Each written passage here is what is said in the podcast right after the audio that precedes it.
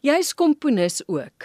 Daar's 'n paar baie interessante werke wat jy gekomponeer het. Ek het onder andere het ek gesien van The Five Elements. Ja, nou Charles, uh, Charles en ik gaan ook uh, één stuk daaruit. Uh, hij heeft Goed. heel, ik heb hem dat opgestuurd en hij heeft dat gewoon voorbereid. Dat is heel luxe voor mij dat iemand zo al beslagen ten ijs komt, zeggen we in Nederland. dat iemand al zo goed voorbereid is, is super, super fijn. Um, dit stuk uh, heb ik geschreven in de pandemie. Uh, want ja, we mochten niet optreden, we mochten niet reizen. Ik kon niet eens bij mijn trio komen, want die woonde in de Edinburgh, mm. woonde in Edinburgh, Dublin. En ik zat in Hilversum in Holland. We mochten niet eens bij elkaar komen om te oefenen. Mm. Dus we hebben toen online hebben we wat dingen besproken en wat dingen geprobeerd. En toen ben ik gaan schrijven. En er is een groot stuk uitgekomen van vijf delen. En ja, de vijf elementen. Je hebt op de aarde natuurlijk uh, hè, aarde, lucht, water en vuur.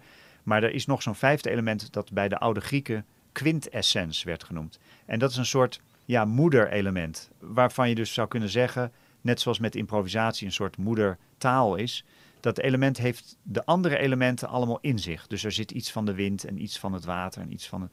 En uh, dat is een concept van de oude Grieken. En dat vond ik heel mooi, omdat als componist kan ik dan zeggen... oh, maar dan gebruik ik van elk verschillende deel dat ik heb geschreven... een klein beetje in dat deel waar het allemaal samenkomt. Dus dan heb, kan je dat muzikaal ook uitbeelden. En ik ben gaan nadenken, hoe maak ik nou een deel over water? Dus bij water heb ik gedacht aan een rivier. En vooral in Schotland, ik kom daar heel, heel graag en heel vaak.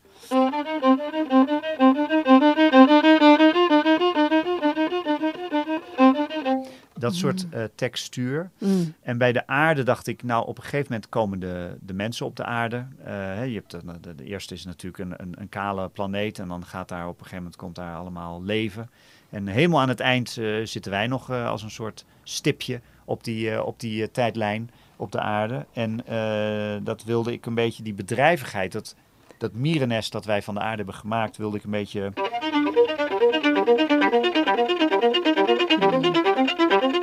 wilde ik een beetje zo weergeven. Ja. En, nou, en zo was er dus voor lucht ook. En vuur had heel erg een, een, een hectische, gevaarlijke uh, klank. En die heb ik eigenlijk allemaal per deel heel erg doorgezet. En uh, mensen hebben daar heel erg goed op gereageerd. We hebben het uiteindelijk opgenomen los van elkaar. Dus Nigel, mijn gitarist in Dublin. Roy, mijn bassist in uh, Edinburgh. Ik daarmee wij weer bijgevoegd in Hilversum. En nog negen andere muzikanten die uh, allemaal zonder werk zaten. Want die waren zelfstandig, net zoals oh. ik. En uh, zaten niet in een orkest of, of andere organisaties. Dus die, ja, iedereen in Nederland stond stil toen in de cultuursector. Ek wil vra oor 'n ander stuk wat jy blykbaar vir 150 celliste geskryf het. Ja. Is ek reg? Hoekom vir celliste as jy 'n violist is? Ja, dat is een beetje gek, maar uh, dat is voor een, uh, een uh, groot festival van de cello. Dat is het grootste ter wereld en dat is tweejaarlijks in Nederland en dat heet de Cello Biennale. Mm. Daar komt de hele wereld cello spelen. alle grote namen, ze hebben daar ook meteen een concours, dus een competitie. En zij wilden echt uh, de cello-wereld bij elkaar brengen. Dus toen hadden ze bedacht, weet je wat, wij gaan 160 kinderen op het podium. 40 uit het noorden van het land, 40 uit het westen, 40 uit het zuiden, 40 uit het oosten. Ja. Nou, en die zouden allemaal apart met elkaar gaan oefenen. 40, 40, 40, 40. En dan die allemaal bij elkaar brengen op de dag zelf. Nou, wat heb je dan nodig? Je hebt iemand die een stuk schrijft.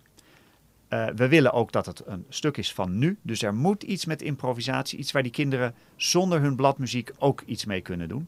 Dat ze dat ook al leren. Dus mm. dat was ook een doelstelling. En het moet iemand zijn die dat kan leiden. Nou ja, toen kwamen ze bij mij uit, omdat ik ook uh, dirigeer of, of, of ook hè, met orkesten werk en dus de ervaring heb. En zij wilden graag muziek die ritmisch, ritmemuziek was. En dat, dat is wat ik schrijf. En het was een hele grote uitdaging, want er zaten de jongste, die was zes, en de oudste was 18. Dus kun je nagaan dat die allemaal hele verschillende niveaus van spelen hebben. Dus ik had het orkest in zes groepen gesplitst. En de onderste groep had hele simpele dingen. Bijvoorbeeld de losse snaren en een paar... Ja, dan moest ik vragen van, aan de cello-expert... welke vinger mag ik voor schrijven? Zo'n lage eerste vinger mocht dan nog niet, want dat hebben ze nog niet gehad als ze zes zijn. Dus je kan bepaalde noten niet eens schrijven. En bovenin moest ik heel erg mijn best doen om die kinderen, uh, of ja, tieners om die uh, geïnteresseerd te houden. Dus die moesten juist hele moeilijke muziek. En dat moest allemaal bij elkaar passen. Nou, en dat is een gigantisch groot stuk geworden. En dat gromde en dat is... Maar als je voor één instrument schrijft en je maakt er een orkest van... dan is de cello het beste ter wereld. Ik kan me niet voorstellen hoe afgrijzelijk een violenorkest van 160 mensen had geklonken. Echt werkelijk waar, als miauwende katten. Dus het is ook de enige instrument waarmee je dat kan doen. En op, op de bas kun je natuurlijk kun je begeleiden. Dat kun je natuurlijk met een cello ook nabootsen. Dus de cello is eigenlijk een bas. De cello is een mannenstem. Maar de cello kan ook een vrouwenstem zijn. En die kan ook heel fluisteren en heel erg grommen. Dus dat, het is een ongelooflijk... Als ik ooit op de aarde terugkom, ga ik cello spelen. Dan heb ik mijn eerste leven met viool en mijn tweede leven met cello. Jy het nou gesê jy wil graag in jou in jou volgende lewe 'n cellist wees. maar in die lewe, wat is jou drome nog? Wat wil jy nog doen? Dat vind ik, ik vind een hele goede vraag, maar ik vind het ook altijd een hele moeilijke vraag als die gesteld wordt. Want eh, mensen die vragen wel eens hoe, hoe mijn leven eruit ziet. En dan zeggen ze, goh, jij leeft eigenlijk je droom. En dan zeg ik, ja, dat klopt eigenlijk wel. Want wat ik eh, wou doen, was op het podium staan voor mensen. Mensen blij maken met mijn muziek. Soms ook met een traan, als je aan iets, iets terug moet denken. Of, of je hebt een, een dierbare verloren of zo. Dat, dat, daar is muziek voor, dat je, daar, dat je dat beleeft. Dat je even uit die alle dag komt. En ik wilde dat met improvisatie op mijn instrument doen. Dus die, die drie dingen zijn eigenlijk ja, precies waarvoor ik voor mijn gevoel op deze wereld ben. En in de pandemie was het dus heel zwaar, want daar mocht ik dat niet doen. En gelukkig heb ik dus wel kunnen voorbereiden, nieuwe concerten. Ik heb kunnen schrijven. Maar pas toen we weer mochten optreden, was eigenlijk mijn leven weer normaal. Ja, je kan altijd zeggen groter en beter, maar dat vind ik niet zo interessant eigenlijk. Ik vind het interessanter dat je de hele tijd jezelf ontwikkelt. Uh, wat ik, weet je wat ik nog wel zou willen doen? Ik had het daar vandaag met Charles over. Paul Simon heeft in dit land met ongelofelijke muzikanten heeft hij een album opgenomen. Dat heet Graceland. Dat zou ik nou voor mezelf zo'n soort album willen, willen opnemen. Maar dan, dan moet ik op zoek gaan en dan moet ik heel lang gaan nadenken. Dan moet ik heel veel gaan luisteren.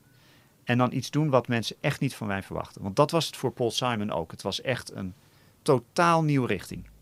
Dus dat is misschien mijn droom nog wel.